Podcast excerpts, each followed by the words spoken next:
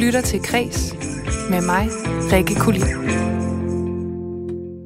Og jeg vil bare ønske dig rigtig glædelig jul, dig der lytter med. I går var det jo juleaften, og i dag er det den 25. december, og det betyder, at vi her i Kreds, øh, på Kredsredaktionen i vores lille julespecial her, kigger på årets læseoplevelser, fordi dem har vi altså haft mange af i det her program. Og det kan måske også øh, fungere som inspiration til dine juledage. Det er alle sammen øh, værker, vi på den ene eller anden måde har haft med i Kreds i år. Og så har vi altså også masser af god musik fra året, der er gået med til dig. Og når jeg siger vi, så er det altså fordi Kreds-redaktionen, den øh, består ikke kun af mig, den består også af tre øh, rigtig dygtige journalister, og det er Lene Grønborg. Velkommen til Kreds. Tak skal du have. Så er det Isa Samuelsen. Hej Isa. Hej. Og Karoline Kjær Hansen. Hej Karoline. Hej Rikke. Det er dejligt, at I er med mig igen. Det var jo sådan i går, der, øh, og det kan du også finde som podcast, det her program, der kom vi med årets skærmoplevelser for vores vedkommende, hvor vi anbefalede, hvad vi synes, der har været bedst på skærmen i år. Men i dag, der handler det altså om bøgerne, og øh, det glæder mig rigtig meget til, fordi Altså, nogle af os har i hvert fald læst rigtig meget i, øh, i år i, øh, i, på redaktionen her, og egentlig så synes jeg bare, at vi skal kaste os øh, direkte ud i det. Og jeg tænker simpelthen, at vi starter med dig, Karoline, fordi jeg kan, jeg må sgu være ærlig at sige, du er jo vores altså, læsehest her øh, på programmet. Ja, yeah ja. det vil jeg gerne være. Den levende bobus. ja. så derfor så tænker jeg simpelthen, at vi lægger ud med øh, din, for jeg tænker, at du har haft virkelig, virkelig mange læseoplevelser i år, så det, du har valgt, må være noget helt, helt særligt. Hvad er det, du har taget med til os i dag? Jamen, øhm, jeg synes faktisk ikke, det var svært at vælge, hvad jeg skulle tage med, fordi der er en bog, som står særligt ud øhm, af alle de læseoplevelser, jeg har haft, og øhm, det er Tine Høs Tour de Chambre, som udkom i maj, som er hendes øh, anden øh, bog, og nu kan jeg godt sige, at det er en roman. Øhm, Tine Hø, hun debuterede i 2017 med en øh, bog, der hed Nye Rejsende, som ikke havde en genre. Øhm, og så udkom hendes anden bog, Tour de Chambre, så her i år. Og det øh, er en roman. Øhm, når jeg har valgt den her bog, så er det fordi, den er øh, helt vildt interessant, både tematisk, men også formmæssigt. Og det er også derfor, at jeg nævner det her med genren øh, til en start. Øhm, hvis jeg lige kort skal fortælle, hvad den handler om allerførst, så er der ligesom to spor i bogen. Øhm, vi følger Asta, som er hovedpersonen. Øh, hun er i, i realtid er hun 33, øh, men så er der rigtig mange tilbageblik til hendes øh, ungdom, til kollegietiden, øh, hvor at øh, hun møder øh, veninden Maj, som også er med i nutidssporet, øh, og de... Øh, de er ligesom knyttet sammen af, af den her fælles venneflok fra kollegietiden, hvor der også sker et dødsfald, som præger hele flokken rigtig meget. Øhm, men, men man følger ligesom Astas vej fra hun bor på kollegie, og der sker det her dødsfald, og der er den her øh, både vennerelation, men også, øhm, altså uden at spoil for meget, kan jeg måske godt sige et form for trekantsdrama.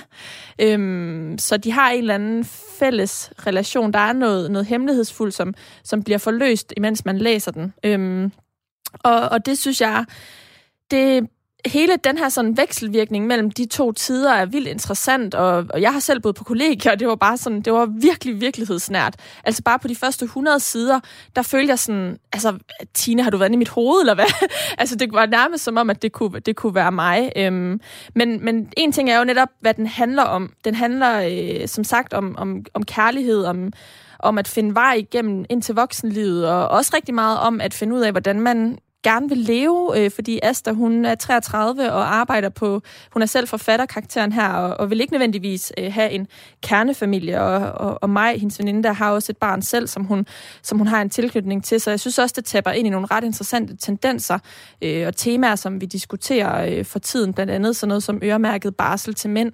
øh, men, øh, men det andet er som sagt formen, og, øh, og det er sådan, det, nu er det jo så en roman, øh, men Tine har simpelthen skabt sin helt egen form, som når du åbner øh, bogen, så ligner det et langdigt. Altså, det, det, det er sætninger, der er skrevet med afstand mellem hinanden, men øh, det, helt fantastisk nok, så har den et plot, øh, meget spændende et af slagsen, og hvis man kaster sig ud i at læse den, så kan jeg sige, at der er et kæmpe plot twist på sidste side.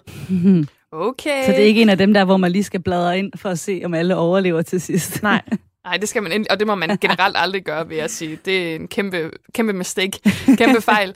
Men nu nævnte du jo netop formen her, øh, den her messenger-form, og det er, som du siger, Karoline, en, øh, en roman, som øh, består af, af sms-beskeder, en del, af, en del af romanen. Og det var sådan, at tidligere på året, der havde vi altså Tine Hø med i en kredsudsendelse for at tale om bogen.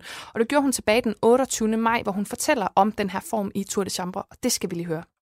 Det er ikke noget, jeg ligesom har øh, har hævet ind i romanen som sådan en effekt, eller du ved, det er ikke sådan, jeg har tænkt, ej, nu kunne jeg også godt tænke mig, at der skulle være nogle sms'er eller messenger-samtaler, som jeg egentlig øhm, har tænkt, at det er. Øhm, det er ligesom, har været, det har været fuldstændig naturligt faktisk fra starten, at det skulle indgå, øhm, fordi det er så stor en del af den måde, jeg også selv kommunikerer på. Altså, øhm, det, den, den måde at skrive med venner og med min kæreste og familie på, er, altså, jeg, jeg gør det jo nærmest mere, end jeg taler med dem i telefon, og, og nogle af dem, man ikke ser så tit, har man jo virkelig sådan jævnlige korrespondencer med på skrift, så på den måde er det virkelig sådan viklet fuldstændig naturligt ind i, min, i mit eget liv. Øhm, og jeg synes, at, at det sprog, man ligesom bruger der, den måde at tale sammen på, er, er lige så, hvad kan man sige, vigtig, eller fylder lige så meget, som, som når vi taler sammen ansigt til ansigt. Altså det, det, ja, det er også sprog, ikke? Øhm, som, har, ja, som har fuldstændig samme vægtning, eller hvad man kan sige. Øhm, så det var egentlig ret naturligt, at det ligesom også skulle, skulle være med. Men det betyder jo ikke, at det bare er sådan en copy-paste af en, af en sms-tråd eller messenger-tråd, jeg ligesom bare har haft liggende, og så kan man bare sætte den ind. Altså du ved, det er jo lige så, der er ligesom stort et sprogarbejde for mig i at sidde at, at sidder for ordene til at hænge sammen på særlige måder og skabe lydlige forbindelser og øh, ja, altså få alting til at danne mønstre på siden, og sådan, ligesom jeg gør med den øvrige tekst, det gør jeg jo også i de her sms'er. Ikke? Øhm, så der er lige så stor skrivearbejde i det. Jeg synes bare, det er interessant at have den form for kommunikation med, også fordi, at den er fuldstændig integreret i mit eget liv. Jeg synes også, det er ret interessant, at nu, øh, nu taler Tine Hø her om, sådan, om skriftsproget. Det er jo på en måde, også jeg ved ikke med jer, øh, jeg, jeg tre andre, men jeg føler også, det er meget 2020-agtigt. Altså det her med, at der er jo rigtig mange, man ikke har kunne se ansigt til ansigt, som man har skrevet med. Altså kommunikationen har foregået på, øh, på skrift i løbet af året på grund af corona. Det, det synes jeg bare lige, det var sådan, jeg kunne lige genkende rigtig meget fra det her år i det Tine, hun snakker om her. Men jeg vil også godt lige høre øh, dig, Lene, fordi jeg ved, du også har læst den her bog. Er du enig i det, Karoline siger, eller hvad var din oplevelse af øh, Tour de Chambre? Oh, nej. ja, øh, lytter af vores øh, program i går vil jo vide, at øh, der var jeg ikke enig med Karoline, men øh, jeg kan så afsløre, at i dag er jeg altså utrolig enig med hende. Altså, jeg har også armene helt op i vejret, fordi den her bog, det er også en af mine aller, aller største læseoplevelser i år. Og det er virkelig det her, øh, som Tine hun kan med sproget. Øh, et tema i bogen er jo også, at vores hovedkarakter øh, og en af de fyre, hun øh, sværmer lidt for, er meget optaget af at lave kryds og tværs. Og det fornemmer man også, at og, og at Tine Høgh jo også har sådan virkelig den her interesse for sprog, så alle ord i bogen er der simpelthen så ekstremt mange tanker bag, om det så er i en øh, uh, sms-besked fra moren, om man vil have onklens toilet, eller om det er uh, en sms til, til en, man er forelsket i. Så det er sådan virkelig helt eminent sprogarbejde i den her bog. Okay, der er jeg jo meget enig. Hvad vil du sige, Karoline? Jamen, jeg vil bare sige, at det er vigtigt at sige, at det er jo ikke kun sms'er. Det er ligesom, sms'erne indgår som en del af, øh, af, af måden, som formen, som bogen har. Øh, men man kan jo, jeg tror, alle kan, kan forstå det her med, at hvis du for eksempel har en, en uh, messenger eller sms-korrespondence, så kan der ligge rigtig mange tanker mellem de to svar, der er. Og det er ligesom også det, som formen giver plads til, at man som læser kan gå ind og selv fortolke, når, man, når hun skriver det der hvad havde hun så tænkt lige før? Altså, der er jo rigtig meget, som ikke nødvendigvis bliver skrevet i en besked, øhm, som ligger imellem de der to svar, man kan give. Og så sidder jeg jo lige og tænker på, at øh, vi er jo meget forskellige på kredsredaktioner. Det er jo også det, der gør, at vi ligesom kan arbejde sammen og have vores forskellige områder. Og øh, jeg er helt klart en skærmtrold, og til dem, der hørte programmet i går, så øh, fremgik det også, at det er du også, Isa. Ja. Så du har jo ikke læst den her bog, Nej. men nu, øh, nu kan du høre de andre tale om den. Får du lyst til at læse den? Jamen, det gør jeg da, altså, fordi det er jo egentlig ikke, fordi jeg ikke er en bogsluger. Jeg har simpelthen bare ikke gjort det i år. Det, det er helt vildt. Så jeg får da lyst. Altså, jeg sidder og tænker lidt, øh, når I nævner det der med sms'erne og messenger, altså, jeg får sådan lidt skam-vibes mm. der, hvor... Det at, kan du godt få. Hvis folk øh, har set skam, hvor der ligesom også øh, bliver skrevet med, hvor man kan følge med. Det gør man efterhånden meget med moderne, kan man sige, sådan ungdomskultur også på, på skærmen. Øhm, og så er det jo sjovt det her med at sige, jamen, hvad ligger der øh, bag ved en sms eller en besked, fordi jeg kan da personligt sige, hvor mange af mine veninders sms'er, jeg har været forfattere til, uden at øh, dem i den anden ende, de ved det. Så der kan jo virkelig være... Øh, altså, der er jeg en, virkelig en co-writer af en kaliber. Øh, så det der med sådan, altså, hvad der ligger øh, i de her små punktummer og forskellige emojis og smileys og sådan noget, uanset hvem man sådan skriver til, det synes jeg, der øh, lyder som en... Øh, en, en fed måde også at tage det med ind i virkeligheden, det litterære univers. Det synes jeg lyder spændende. Mm. Ja, men det er jo, øh, jeg ved jo, at når Karoline hun anbefaler ting, så især når det kommer til litteratur, så er det altså noget, man skal lytte til. Så hvis der nu stadig sidder nogle skeptikere derude her til sidst, Karoline, hvorfor er det så, at man simpelthen skal kaste sig over Tine Høs øh, roman her? Mm, det skal man, fordi at øh, det er den mest originale bog, der er blevet skrevet i Danmark i år. Jamen, du øh, sælger den simpelthen så smukt. Og fra skærmtrollen her, så vil jeg jo sige, hvor skal vi hen, du, nu? Fordi at det er jo sådan, at vi øh, i det her program også hver især tager nogle af vores yndlingssange med fra året, der er gået. Og øh, Karoline, du skal altså præsentere en sang nu, som du, som du har taget med. Det er lidt uretfærdigt, jeg skal sige noget. Noget meget sådan, uh, seriøst lige nu. en meget sørgelig sang, vi skal høre nu. Ja, um, altså, um, okay, jeg prøver lige at tage mig sammen. Den sang, vi skal høre lige nu, den øh, går faktisk til dels lidt i forlængelse af Tine Høs øh, Tour de Chambre. Det er også derfor, jeg har valgt den. Det er sangen Karens sang, som er skrevet af, og sunget af og, og komponeret af, af musikeren Anja. Øh, og det er en sang, der handler om Øh, frygten for at miste nære relationer, tætte venskaber, når øhm, man træder ind i voksenlivet meget på på, og for eksempel øh, erfarer, at øh, venner og veninder skal være forældre, og måske bosætter sig et, et sted øh, langt, eller det er ikke nødvendigvis meget langt, men altså, øh, man ikke, man ikke er øh, ens soulmates længere. Altså, man opfatter, man, man erfarer, at, at livet går videre, og, øh, og den på mange måder helt fantastiske og enestående tid, som jeg synes, man kan have med sin meget tætte veninder eller venner, øh, når man øh, er ung og øh, er studerende, og måske også altså, de, de første år af arbejdslivet. Det kan også, og jeg, altså, jeg håber, at den tid stadig fortsætter, fordi jeg lever stadig sådan lidt romantisk i den, men at den ligesom også er passeret. Så vil jeg bare lige sige, at i de her følelser, som, som sangen øh, beretter om, og som jeg også selv har meget tæt inde på livet, der står savnet som sorg, sorget og savnet meget centralt, men det er jo i bund og grund udtryk for, at det, der var, var rigtig godt, og det synes jeg i sig selv er, øh, er en rigtig rar følelse at blive mindet om. Jamen, det var meget, meget pæne ord, en flot præsentation, og her får du altså Anja med Karens sang. Dit holder, lad mig glatte, for det er mig, der kender de våde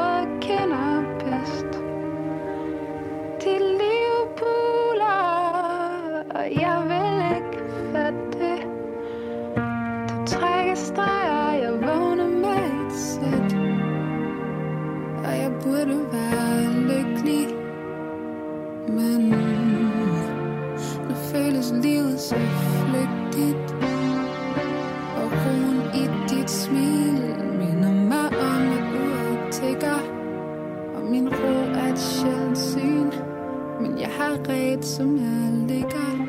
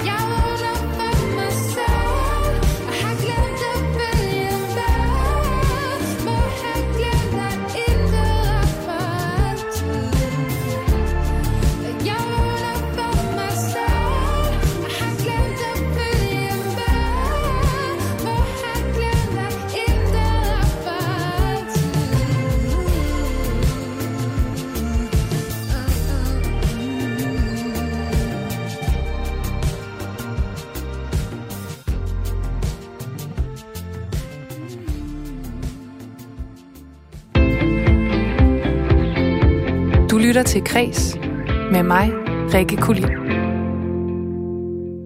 Og det gør du øh, på Radio 4, hvor jeg altså er i studiet med min dejlige kredsredaktion, som består af Lene Grønborg, Isa Samuelsen og Karoline Kær Hansen. Og vi kigger altså på vores bedste læseoplevelser, som vi har haft i år på kredsredaktionen. Og lige før, der hørte vi altså Karolines anbefaling af Tine Høs roman Tour de Chambre.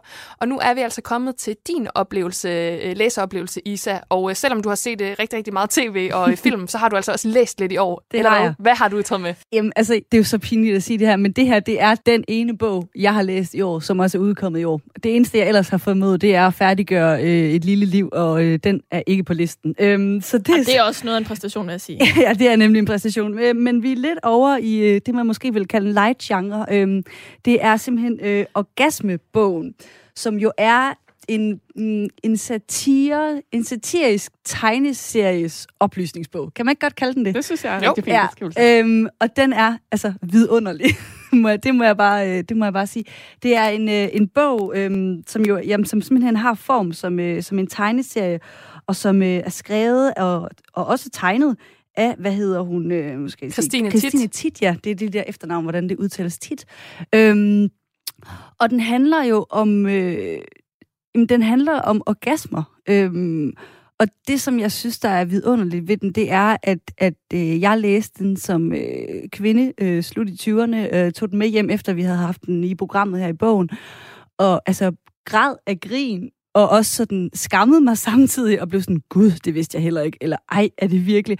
Og det der med at kunne have en bog, der gør det, øh, det synes jeg jo er, er både øh, øh, dejligt, men også lidt tankevækkende, og egentlig også lidt skræmmende, at, at jeg som øh, 26-årig kvinde skal, skal opdage nogle ting øh, om mit eget underliv, hvis man kan sige det, øh, via en, øh, en tegneseriebog. Øh, for det havde jeg da nok egentlig lidt håbet, at den ting, den havde jeg ligesom, altså jeg havde kunne sætte flueben ved, ved hele det der område. Øh, så derfor synes jeg, at, øh, at man skal, man skal finde den her bog, fordi den er både den er flot, og den er, den er, den er sjov, og så er den sindssygt informerende, og så tror jeg, at uanset øh, hvilket køn man har, så øh, det her med at, at gå lidt på opdagelse og kræve sine orgasmer i virkeligheden, øh, det synes jeg er en sindssygt vigtig sag, og det synes jeg, den her bog, den er med til at sætte noget fokus på. Ja, og selvom, og du siger jo, at den er, den er rigtig, rigtig sjov, men som du også siger, så er den jo også sindssygt informerende. Der er helt vildt mange Helt vildt. facts i den. Ikke kun fun facts, men virkelig også altså interessante informationer, som man altså, Altså- glædeligt kan dele ud af. Nogen, hvor jeg virkelig sad og tænkte, det siger jeg aldrig højt til nogen, men det vidste jeg faktisk ikke. altså, og det er jo... Hvad var det for eksempel? Jamen, nu, og nu mangler jeg jo bogen, så jeg lige kan finde, men der var sådan nogle billeder, altså, hvor hvor de tegner, altså sådan selve klitoris, og så er der nogle historier om, øh, hvordan den blev opfundet, og hvordan man har forsket i den, og hvad der ligger til historisk baggrund. Og der må jeg simpelthen bare indrømme, altså der har min seksualundervisning nok ikke været særlig dybtegående, og så har jeg bare sådan go with the flow-agtigt, så jeg ligesom vidste, at jeg skulle vide til husbehov, ikke? Så der har bare været så mange ting, hvor jeg sådan, det, det anede jeg simpelthen ikke, at det, det fungerede på den måde. Nej, men sådan er det jo at være voksen. Det er jo simpelthen sådan, man lærer en hel masse ting, og så kommer man op i 20'erne, og så finder man ud af, at man skal aflære alt, man nogensinde har lært. ja. Men det er også sådan, at øh, kvinden bag bogen, Christine Tit her, hun var i studiet her i øh, programmet den 29. september for at fortælle om, hvorfor at øh, hun skrev den her og øh, tegnede den her bog. Hvis jeg lige skal beskrive den her bog for øh, lytteren, så er det altså en tegneserie om en, øh, en kvinde, en kusse og en ekspert, som er taget ud på en øh, øde ø for at tale både om øh, sex og lyst. Og du har tidligere sagt, at du håber, at bogen her den kan være med til at skabe en øh, seksuel revolution. Har vi stadig brug for det her i 2020, eller er den egentlig kommet? Det synes jeg i høj grad, vi har brug for. Altså, nogle af de facts, jeg, der er jo masser af facts i min bog, og øh, noget af det, jeg har fundet frem til, det er, at rigtig, rigtig mange kvinder ikke kommer under sex. Og altså to ud af tre. Når vi har så høje tal på det, øh, så synes jeg, der er brug for, at vi taler om sex på nogle nye måder, og ligesom revurdere hele det her emne. Altså, jeg kunne godt tænke mig at spørge dig, Lene Grønborg, for du har jo også øh, læst den her bog og kigget i den. Det er jo også øh, delvis en øh, tegneserie. Altså, har du ligesom revurderet dit forhold til, hvordan du har opfattet øh, kroppen og sex og orgasmer efter at have læst den her bog? Ja, jeg synes i hvert fald, øh, også som Isa er inde på, at det er en øh, virkelig, virkelig vigtig bog, som øh, både mænd og kvinder skal tage med hjem og læse. En anden ting, jeg er kommet til at tænke på, også øh, nu nævnte Isa seksualundervisning, og det er jo også noget af det, vi talte om, da vi havde den i programmet, at vi simpelthen herhjemme har en seksualundervisning, der slet, slet, slet ikke er up to date. Og det kan jeg i hvert fald genkende, at seksualundervisning, dengang jeg gik i folkeskolen, det var altså virkelig sådan noget med en banan og et kondom. Det handlede rigtig meget om penetrering, hvis man må have lov til at sige det her Og i hvordan man ikke blev gravid. og hvordan man ikke blev gravid, ja. Og det handlede rigtig, rigtig lidt om klitoris og sådan alle mulige andre former for nydelse. Øh, og det er jo også en af øh, forfatterens pointer, som jeg synes er rigtig vigtigt at tage med. Mm. Men jeg synes ikke også bare, der sker vildt meget i, øh, i de her år. Jeg synes, det går hurtigere og hurtigere, og jeg kan også afsløre den sang, som Isa har taget med lige om lidt. Den, Den er sådan- perfekt til den det er indbegrebet af det, men er der ikke bare... Altså, nu spurgte jeg hende jo om i starten om øh, den seksuelle revolution. Der var der jo egentlig i 70'erne, men det er jo også... Altså, der, jeg synes også, der foregår en, øh, en yderligere seksuel revolution lige nu. Er I enige? Ja, og det er jo sindssygt svært at finde hoved og hale i, fordi det også udvikler sig, men også at, tænker jeg, at, at mange flere forskellige mennesker bliver bedre til at sætte øh, øh, ord på, jamen, hvad er seksuel revolution måske også for dem? Altså, altså det der med, at det ikke er noget, vi behøver at sidde og fnise over, når vi snakker om det i et studie. Vi kan faktisk godt snakke om øh, retten til orgasmer, uden at blive sådan helt tøsefnidret. Ja, jeg er det, dødsens alvorlig omkring Ja, mine orgasmer. men det er det, jeg mener, og det tror jeg i sig selv egentlig på en, på en eller anden måde lidt af en revolution, fordi det er nok noget, der har været pakket væk. Øhm, og så tænker jeg det der med, jamen, jamen oplysning øh, netop er med til at, og sådan, at udvide det, og den her, den tager jo udgangspunkt i... Øh, altså i det kvindelige kønsorgan. Og jeg synes, det kunne være vel lige så spændende, hvis der var nogen, der lavede bogen i virkeligheden til det mandlige kønsorgan, fordi der har man nok en eller anden idé om, "Nå, men du ved, det er, lidt, øh, det er lidt mindre kompliceret. Altså den historie, den sang har man ligesom hørt før, men det tror jeg jo måske også nogle gange er en, er en simplificering i virkeligheden, ikke? Altså, Der er så- jo også mange mænd, der lider under, at de nødvendigvis skal komme. Altså, Præcis. altid, for Altså, det er jo ikke tilfældet. Og der er, altså, der er så meget interessant i hele det der spektrum, altså sådan, som, som jeg tænker, at jo flere bøger der er i virkeligheden, og serier og alt muligt, der kan blive skrevet om det her, jo mere er det noget, som, som folk ikke skal føle sig forkert ved. For det er jo også det, der, der er det ømme, kan man sige, punkt ved det her, det er, at lige så snart der er noget, der ikke er normalt, så, øh, så bliver det lige pludselig et emne, der faktisk kan få ret stor betydning for sådan ens trivsel og alle sådan, altså de Ja. her ting, ikke? Men jeg vil også gerne lige anbefale noget, som vi faktisk også har haft tidligere i øh, programmet, nemlig øh, serien, øh, animationsserien øh, Big Mouth på Netflix. Øh, nu havde vi godt nok skærmoplevelser i, øh, i, i, øh, gården, i gårdagens, øh, gårdsdagens program, men den kan man altså også øh, kan jeg varmt anbefale til alle, som gerne vil have en lidt anderledes øh, seksualundervisning end den, man havde i folkeskolen, den der klassiske, som Lene, Le, øh, Lene også beskrev før. Og normale mennesker. Og normale mennesker. Nu kører vi bare derud af, også Ja. med tv-serie. Men, men noget, som faktisk er ret interessant, når vi taler om den her seksuelle revolution, øh, som vi måske er i gang med at have på ny nu her, det er, at vi jeg kan ikke lade være med at tænke på, at der sker sideløbende noget ret interessant i den måde, vi ligesom dater hinanden på, eller ser, møder hinanden, fordi den er jo faktisk ikke særlig fysisk eller seksuel nødvendigvis, fordi rigtig meget af den slags møder sker online i dag, og det synes jeg er vildt interessant, hvordan de to ting sådan sker sideløbende. Øhm, ikke nødvendigvis, at det udelukker øh, hinanden overhovedet, men, men det er jo ikke fordi, at øh, man har så meget fysisk kontakt, ellers sådan berørings, hvad hedder sådan noget, kontaktflader med Mm. hud, hud, hudberøring på en eller anden måde. Men måske netop også derfor så meget mere vigtigt, at folk også bliver klogere, fordi sex er ikke altid er noget, der foregår mellem to mennesker. Altså i coronatid og i singleliv og alle de her ting, er det måske lige så vigtigt i virkeligheden at kunne, øh, kunne være sammen med sig selv i virkeligheden. Ikke? Fordi, mm. Og det gør man jo heller ikke, hvis ikke man læser en bog, eller kigger lidt ned, eller undersøger, hvad der lige foregår. Ikke? Altså, så det, er jo, det tænker jeg også er en del, en del af Men det. hvad ikke? tænker jeg om det her med, at det, en- det hedder orgasmebogen, og det så kun er kvindens orgasme, som den fokuserer på? Jamen, det, det, altså, hvis jeg lige må byde ind, det er jo en virkelig positiv ting, fordi som Christine tit hun også selv øh, pointerede, så er der altså undersøgt utrolig lidt om kvindens lyst, og utrolig lidt om klitoris. Den blev jo først øh, opdaget i godsøjne. Selvfølgelig har der været forskning på den øh, tidligere, men tilbage i, jeg har lyst til at sige 97, det kan også godt være det 98. Slut 90'erne, der blev, blev den ligesom kortlagt. Så det er jo... Øh, 98. 98, godt jeg har dig. så øh, det er jo noget, som er blevet negligeret rigtig meget, fordi det tidligere har handlet rigtig meget om mands lyst lyst. Så jeg synes kun, det er på sin plads, at vi får lov til at øh, udforske kvinden. Man kan jo sige meget apropos, Ja. ja. så har du jo taget en sang med, som indkapsler det her Meget på en eller anden apropos. måde. Og som også Ja. ja. indkapsler øh, hudsult og 2020. Yes. Hvad er det, vi skal lytte til nu? Jamen, vi skal lytte til... Øh, I går, dem der hørte programmet i går, hørte også, at jeg tog Megan Thee Stallion med, og hende har jeg simpelthen taget med igen, fordi hun har bare... Øh, altså, jeg er en lille hip-hop R&B-nørd, og hun har bare drønet der fremad. Og hun lavede sammen med øh, en anden kvindelig rapper, Cardi B, har hun lavet WAP, eller Wet Ass Pussy. Og det er en meget, meget eksplicit sang, øh, som blev lavet sammen også med en meget, meget eksplicit øh, video af de her to øh, Øh, smukke kvinder. Den er bare, altså, den fik bare folks pis i kog på en måde. Jeg blev så overrasket over, må jeg indrømme. Altså, folk de blev simpelthen, ej, er det for meget, og man kan ikke vise den til børn, og børn må ikke lytte til det her. Og jeg bare sådan tænker, det har vi da hørt mænd rappe om i, jeg ved ikke hvor mange år. Og jeg var sådan, jeg synes, altså, beatet er sådan, altså jo, beatet er godt, men jeg tror, for mig handler det mere om, hvor er det fedt, at der står to kvinder og bare sådan føler sig selv 100% og bare, nu skal I bare høre, hvordan det er øh, at rappe om sex, når man er en kvinde, og det synes jeg er, det synes jeg er en applaus værdig.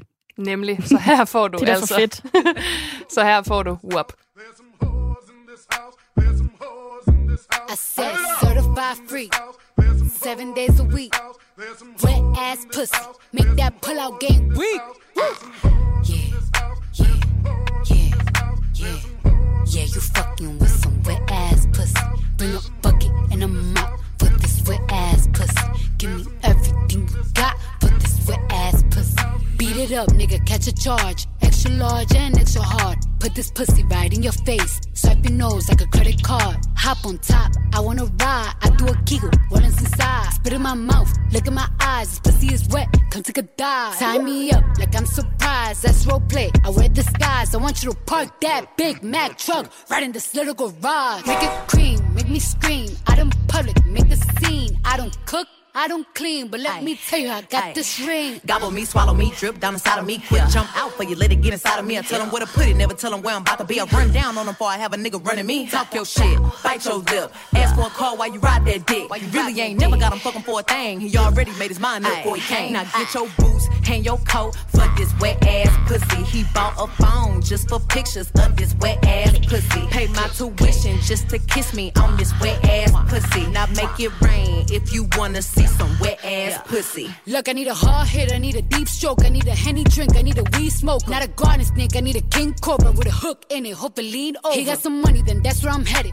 Pussy A1, just like his credit. He got a beard, well, I'm tryna wet it. I let him taste it, now he diabetic. I don't wanna spit, I wanna go, I wanna gag, I wanna choke. I want you to touch that little dangly thing that's swinging the back of my throat. My head game is fire, Punani the sunny is going and drying, it's coming outside, yeah. I run on that thing, now the cuz behind me. I spit on his mic and I he tryna sign me. Your Honor, I'm a freak bitch, handcuffs, leashes. Switch my wig, make him feel like he cheating. Put him on his knees, give him something to believe in. Never lost a fight, but I'm looking for a beat. In the food chain, I'm the one that eat you. If he ate my ass, he's a bottom feeder. Big D stand for big demeanor. I can make you bust before I ever meet you. If it don't hang, then he can't bang. You can't hurt my feelings, but I like pain. If he fuck me and ask who's is it when I ride the dick, I'ma spell my name. Ah. Yeah, yeah, yeah, yeah. You fucking with some wet ass pussy. Bring a bucket and a mop for this wet ass pussy. Give me everything you got for this wet ass pussy. Now from the top, make it drop. That's some wet ass pussy. Now get a bucket and a mop. That's some wet ass pussy. I'm talking wop, wop, wop. That's some wet ass pussy. Macaroni in a pot. That's some wet ass pussy, huh?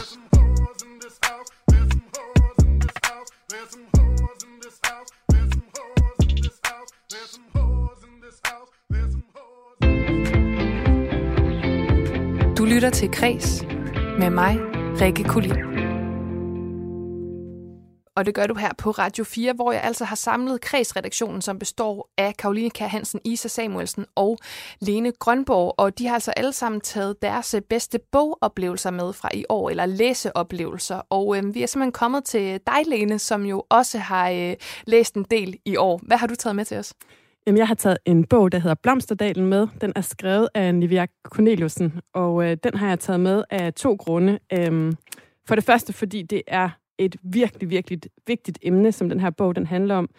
Øh, den handler blandt andet om selvmordstallene blandt unge i Grønland, som er alt, alt, alt for høje, og faktisk har været det siden 70'erne.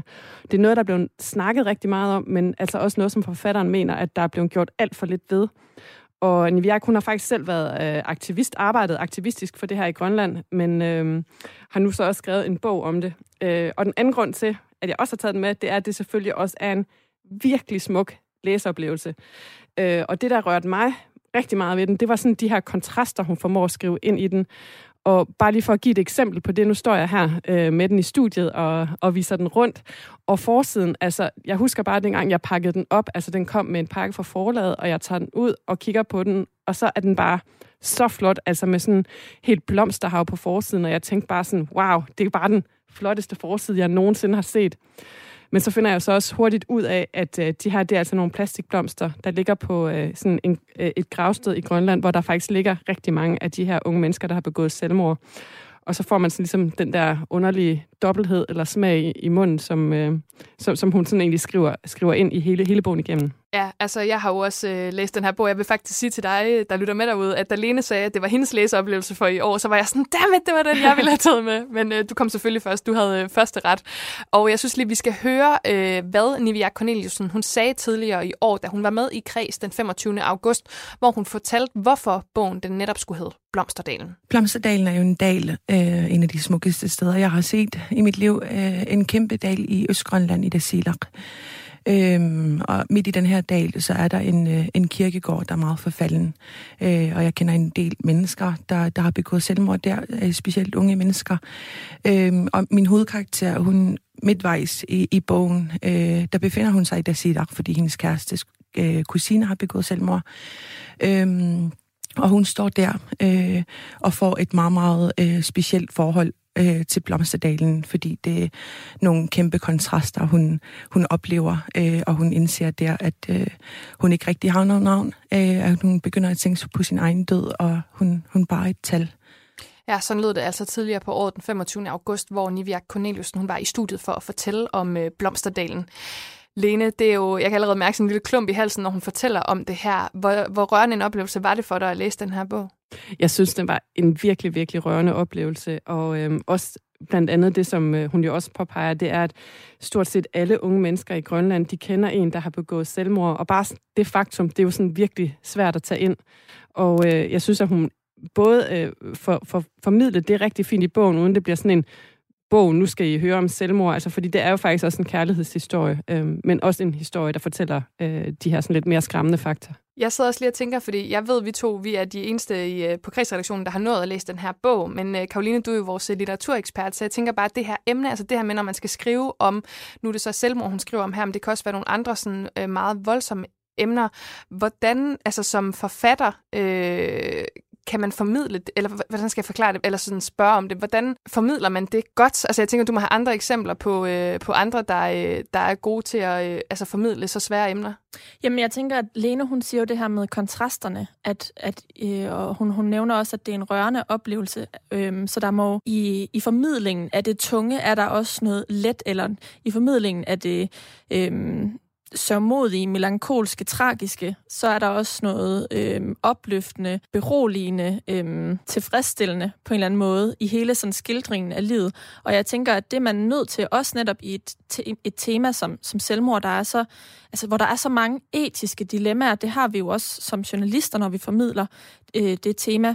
Øh, hvordan gør man det, som, som man så man ligesom er, er temaet værdigt. Øhm, så nu har jeg jo ikke selv læst Blomsterdalen, men, men bare i kraft af den præsentation, som Lene har lavet, så tænker jeg, at det er altafgørende for, at man overhovedet tager temaet ind, så det ikke vir- så, og så det heller ikke fremstår som, som en, øh, en rapport. Altså, Niviak, hun har jo øh, researchet rigtig meget og har en masse statistikker. Det er jo på mange måder rigtig virkelighedsnært, også derfor, at det kan være rørende, men hun skriver det jo ind i en, en fortælling, som også appellerer til menneskets følelser bredere, og det gør, at vi tager det ind, og det er jo det, som fiktionen kan, som forfatterne kan, fordi ellers så kunne det jo bare være en rapport om Grønlands tilstand af nu 2020, øh, og så vil det her være et af de tal, der kunne fremgå. Ja, og nu nævner du det her med kontrasterne i det, og det vil jeg også sige, det er jo også det, den her bog kan, fordi den er også, altså hun har virkelig, virkelig øh, meget humor, og der er virkelig, altså selvom det er enormt rørende og svært og hårdt, så synes jeg også, at, øh, at jeg trækker på smilebåndet virkelig mange gange, fordi hun er så umiddelbar, og hun, øh, hun også skriver virkelig sjovt. Er du enig i, i det, Lene? Ja, der er jo nogle rigtig sjove, for eksempel pointer, hvor at, øh, vores hovedkarakter i den her bog er taget til Danmark, og virkelig får nogle sådan, danske ordsprog galt i halsen, og øh, sådan på, på mange måder øh, misforstår nogle ting, hvor hun altså, laver sådan nogle virkelig sjove sproglige finder. Øhm, så, så der er også meget liv i den, som Karoline også peger på. Altså i det hele taget bare det, og at hun vælger at skrive den her bog, er jo en insisteren på liv, og en insisteren på, at vi skal gøre noget ved det her problem. Og øhm, jeg opfatter hende også som, ha- som havende en kontrast i sig selv, fordi jeg synes, hun har den mest behagelige stemme. Det, det tænkte jeg også, dengang jeg hørte programmet i august. Altså, og så har hun skrevet en bog om, om et så, så alvorligt emne. Altså, det i sig selv er jo også en kontrast som forfatter. Ja, og en kontrast, som hun beskriver er meget indgående i bogen, og som jeg tror mange af os også kan genkende til, det er den her modsætning med, mellem, at når lyset kommer i Grønland, så er det faktisk der, at man ser rigtig mange af de her selvmord, og det kan på en eller anden måde virke sådan lidt selvmodsigende. Hvorfor, hvorfor sker det, når lyset så endelig kommer? Øhm, og det er der så flere, der forklarer med, at man måske har gået rundt med nogle forskellige ting, altså i mørket og egentlig tænkt, når lyset så kommer, så bliver det hele bedre, men det gør det ikke nødvendigvis. Så på den måde, øhm, så arbejder hun også der i hvert fald med, med både lys og, og mørke på, på en rigtig fin måde. Altså, jeg tænker også lige uh, skærmtrollen Isa. Nu har du jo ikke læst den her bog, men uh, det, som uh, Karolina og Lene beskriver nu, er det så noget, der uh, tiltaler dig? Jamen, altså både og. Øhm, jeg tænker, for det første, så tænker jeg, at kan man sige, når man tager de der tunge emner op, så tror jeg egentlig, at, øh, at bogen er et sindssygt øh, altså medgørligt medie i virkeligheden, fordi at man så også på en, på en eller anden måde har en større mulighed for at lægge den væk. Øhm, fordi jeg kan godt synes, at sådan nogle ting, altså jeg, jeg bliver sindssygt påvirket af at læse sådan noget, øhm, så det er ikke sikkert, at det er den første bog, jeg kaster mig over, fordi jeg nok simpelthen vil for det første øh, sidde og græde og få mareridt og blive, altså blive simpelthen, altså blive, blive deprimeret af at læse det, øh, kunne jeg forestille mig. Nu ved jeg jo ikke, hvor, hvor glad den også er i den anden side, ikke? Øhm, men jeg tænker, at at det er, jo, det er jo en sindssygt spændende, det der med ja, at tage fat på de ting øh, og få skrevet dem, så man både kan holde ud og læse det, uden at netop at, at sådan have den der følelse af at få slukket gnisten, mens man læser, ikke? Fordi det er, jo, det er jo virkelig det, der kan være det farlige, synes jeg, når man, når man tager de her emner op, ikke? Men, men en ting er jo, hvad den handler om helt konkret, altså øh, selvmord i sig selv, som vi jo også som danskere, øh, etniske danskere, kan blive, blive berørt af at tale om eller læse om at blive, be, at sådan blive konfronteret med. Men en anden ting er jo også det, som bogen er et udtryk for, som er øh, et fokus på Grønland, som jeg synes er vanvittigt interessant. Jeg oplever i hvert fald, øh, har, at, at der er rigtig meget, nu talte vi om orgasmebogen før, at der, sker, der er et eller andet opgør i gang på en eller anden måde. Vi har også set dokumentarfilmen Kampen om Grønland, som blev vist til CBH øh, Docs, øh, som også viser unge, der på en eller anden måde forholder sig til Grønlands position i forhold til Danmark. Og rent litterært, så den her er også ret interessant, fordi det her det er et emne, som vi også ser mange andre nutidige danske forfattere øh, beskæftige sig med, blandt andet i Mondrup eller Kim Leine. Øhm, og der synes jeg, det er vanvittigt interessant, at det faktisk er en grønlænder, der går ind og formidler Grønlands historie, fordi vi har talt så meget om kolonialisering, og at danskere formidler Grønlands historie. Og her er det faktisk en, der går ind og, og gør det, og måske er det også derfor, at du oplever den som så rørende, Lene, fordi at det er en, der har så indgående kendskab til det. Altså, fordi hvorimod, hvis du som, hvis du som forfatter formidler noget udefra, så, så kræver det rigtig meget research for at kunne, kunne øh, skabe en indlevelse blandt læserne, fordi at det er detaljegraden, der tit gør det. Mm. Der skal i hvert fald øh, lyde den varmeste anbefaling til øh, Blomsterdalen af Nivjak Corneliusen, som vi altså, øh, som Lene altså havde med som sin øh, bedste læseoplevelse i år. Men du har også taget et øh, stykke musik med, som er udgivet i år, som øh, har betydet noget for dig. Hvad er det, vi skal lytte til nu, Lene? Jamen, vi skal høre et Bob Dylan-nummer, og øh, en gang imellem, så er det jo sådan med musik, at øh, noget, det kan minde om en om ens barndom. Sådan har jeg det i hvert fald med Bob Dylan. Øh, men dengang vi så skulle øh, lave et program om øh, hans nye album, Rough and Rowdy Ways, øh, her tidligere på året, så gik det faktisk også øh, op for mig, at jeg måske havde hørt det rigtig meget, men jeg havde faktisk ikke lyttet så meget. Og øh, det fik jeg så gjort, fordi vi lavede det her program øh, omkring digteren øh, Dylan, og sådan så på sådan de ting, han også kan rent litterært. Og nu skal vi høre det nummer, der hedder I Contain Multitudes. Og der synes jeg også, at vi lige skal prøve at lægge mærke til teksten, fordi den handler nemlig også om kontraster og hvordan vi alle sammen indeholder forskellige ting. Today and tomorrow, and yesterday too. The flowers are dying like all things do. Follow me close, I'm going to Berlin, Ali. I'll lose my mind if you don't come with me. I fuss with my hair and I fight blood feuds. I contain multitudes. Got a telltale heart like Mr. Poe. Got skeletons in the walls of people you know. I'll drink to the truth and the things we said. I'll drink to the man that shares your bed. I paint landscapes and I paint nudes. I contain multitudes. A red Cadillac and a black mustache. Rings on my fingers that sparkle and flash. Tell me what's next. What shall we do? Half my soul, baby, belongs to you. Oh, well, I can I frolic with all the young dudes? I contain a multitudes.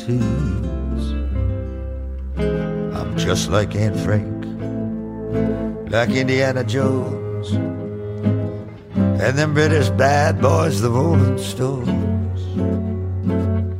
I go right to the edge. I go right to the end. I go right where all things lost are made good again. I sing the songs of experience like William Blake. I've no apologies to make. Everything's flowing all at the same time.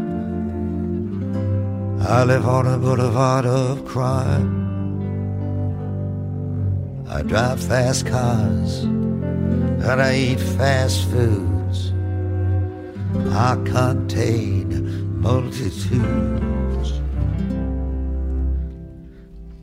Pink pedal pushers, red blue jeans, all the pretty maids and all the old queens all the old queens from all my past lives. I carry four pistols and two large knives. I'm a man of contradictions. I'm a man of many moods. I contain multitudes. You greedy old wolf, I'll show you my heart, but not all of it only the hateful parts. I'll sell you down the river. I put a price on your head. What more can I tell you? I sleep with life and death in the same bed. Get lost, madam. Get up off my knee. Keep your mouth away from me. I'll keep the path open the path in my mind. I see to it that there's no love left behind. I play Beethoven sonatas, Chopin's preludes. I contain multitudes.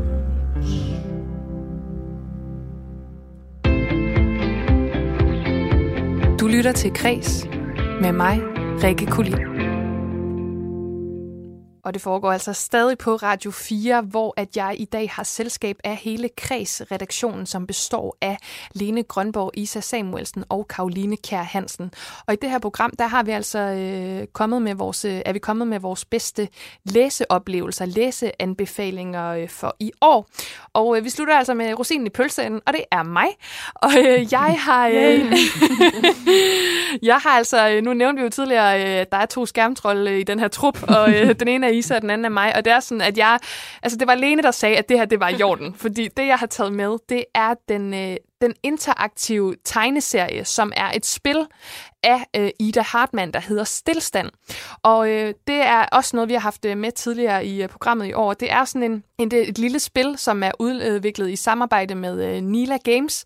Og øh, det er øh, tegneserietegneren Ida Hartmann, som har produceret den her interaktive øh, tegneserie, hvor man så øh, øh, skal vælge forskellige ting. Og det er sådan en ung kvinde i slutningen af 20'erne, som jeg kan identificere mig med, som øh, har sådan en sommer, øh, og hun er heller ikke så glad for sommer. Det er jeg heller ikke. Jeg har det meget svært med sådan øh, rigtig, rigtig meget varme, og jeg har rigtig meget angst og er meget øh, altså, øh, trist og træt af livet. Og så dukker der sådan en sort skygge op i hendes lejlighed, som ligesom følger hende rundt og ender med at blive sådan en følgesvend.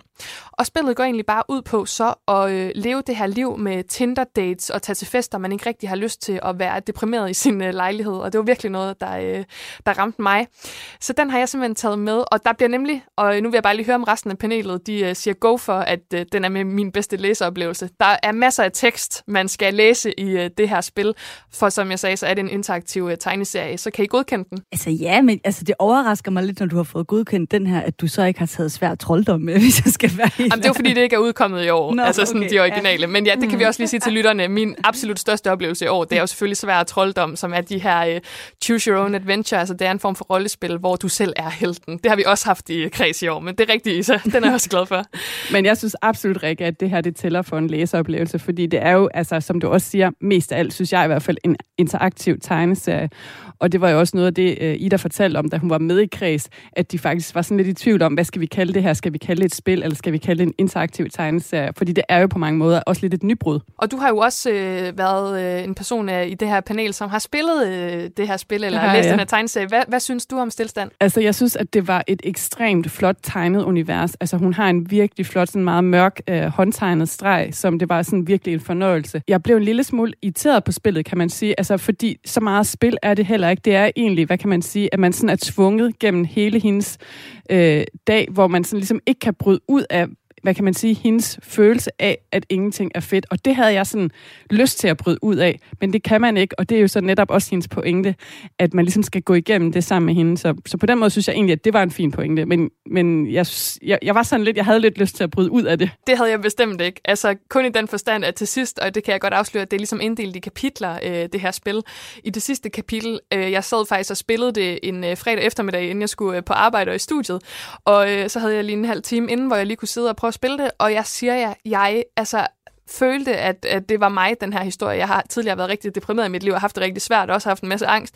Jeg hylede, fordi jeg aldrig nogensinde har identificeret mig så meget med nogen før. Og det, jeg er ikke den store sådan, computerspiller. Jeg spiller ikke særlig meget computer. Øh, men nu forstår jeg, hvorfor det er, at folk spiller computer, når de gør det i forhold til historier. For det er jo netop det, der er så stærkt i den her. Det er historien, det er narrativet, og som du siger, Lene, det kan man ikke bryde ud af. Men hvis man er inde i hovedet på hende, så man, ah, har man altså også de her følelser, og så holdt op, skal jeg love for, der blev grædt. Altså, jeg var sådan helt dehydreret, inden jeg gik i studiet.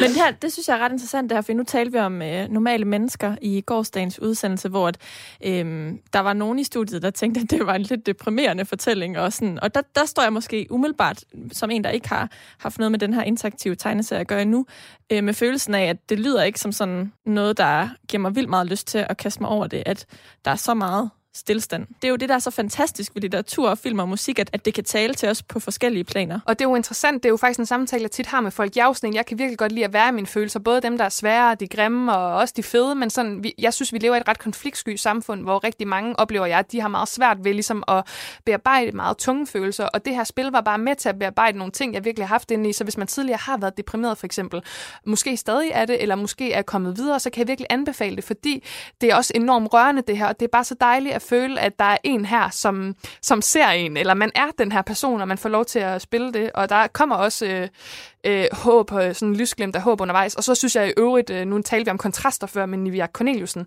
det er hyldende morsomt det her. Der er en masse små detaljer i øh, Ida Hartmanns tegninger, for eksempel. Øh, sådan noget, bare sådan en lille ting, som de cigaretter, hun ryger, de hedder Queens i stedet for øh, Kings. Mm. Øh, og så er der sådan et spil, hun spiller på et tidspunkt, som er sådan, sådan nogle katte, der miaver, øh, sådan et, I ved, sådan helt simpelt, øh, hvor man sidder med sin tastatur, og alle har prøvet at spille sådan nogle spil. Øh, og, og der er bare så meget humor i det også, så du ved, det er ikke kun sådan en brønd af tristhed. Altså, der er virkelig også øh, grin. Det er tragikomisk, eller hvad? Ja, præcis. Og det Ja. er bare forløsende på en eller anden måde at opleve. Ja. Så jeg ved ikke, om jeg har overbevist jer, Karoline og Isa. Altså, øh, jo, jeg får faktisk lyst til at, at kaste mig ud i det. Jeg, men jeg synes, at det, det er vildt interessant, du har valgt det, Rikke, fordi at der er jo rigtig meget litteratur, som også eksisterer på andre måder. Der er jo rigtig mange, der også læser bøger på tablets i dag. Øhm, det, kan, det, det gælder jo også for journalistik, eller lytter til det. Øh, medierne nærmer sig hele tiden. Vi kan også se, at sådan noget som en lydbog nærmer sig podcasten, som nærmer sig radioen. Altså, så jeg synes på den måde, er, at den her den her interaktive tegneserie er også interessant fra sådan et litterært genreperspektiv. Øhm, og og hvis, det er, hvis det er noget, der giver folk lyst til, altså hvis det appellerer bredere til folk, gør, at de nemmere får læst øh, ved, at det, ved, at det har den her visuelle form, så synes jeg, at det er en kvalitet i sig selv. Det er nogle meget kloge ord. Jeg skal bare lige høre til sidst. Hvad siger du, Isa?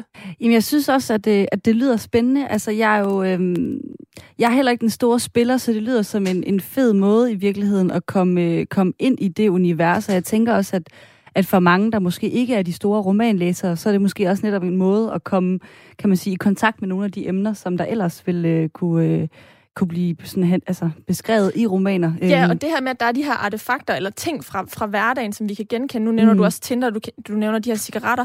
Altså, det er jo også noget af det, som jeg oplever i mødet med Tine Høs Tour de Chambre, at den taler til mig, fordi at den taler ind i en verden, hvor at, at det, det, er, det, det er fuldstændig genkendeligt for mig. Altså bare det, det gør, at mødet bliver nemmere, og så får man måske nemmere øh, kastet mm. sig ud i det. Øhm. Og hvis man har lyst til at kaste sig ud i det, så kan man altså downloade stillstand til både smartphone og øh, PC, og det vil jeg anbefale dig at gøre, fordi det var altså en af de helt store oplevelser for mig i år. Og så vil jeg slutte af med at øh, spille et af de numre, som øh, har været allerhøjst på mine Spotify-playlister i år. Det er øh, danske Jada, som Åh. øh, har lavet Banger Nudes, som jeg har hørt en milliard øh, gange i år, og jeg synes også, den indkapsler øh, nogle af de ting, vi har snakket om i programmet i, øh, i dag. Så øh, den får du altså lige, På mange lytter. Måder gør det jo virkelig det. Den er altså, det er jo faktisk ret 2020. vildt, når jeg tænker over det. Sådan, alle de ting, vi har talt om, så ja, det er jo bare øh, indbegrebet af det på en eller anden måde.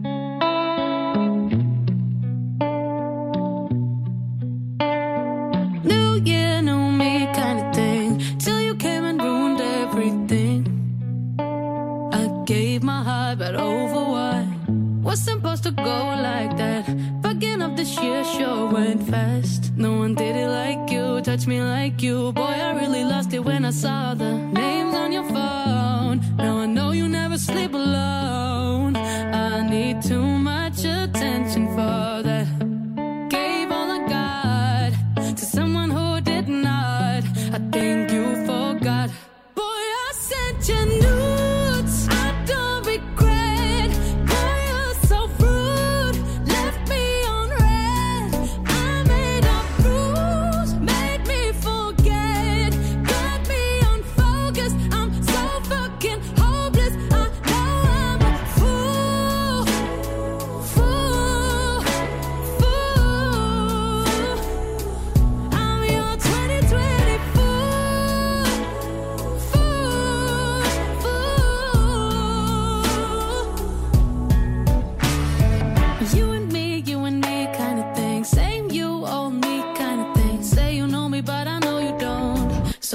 So.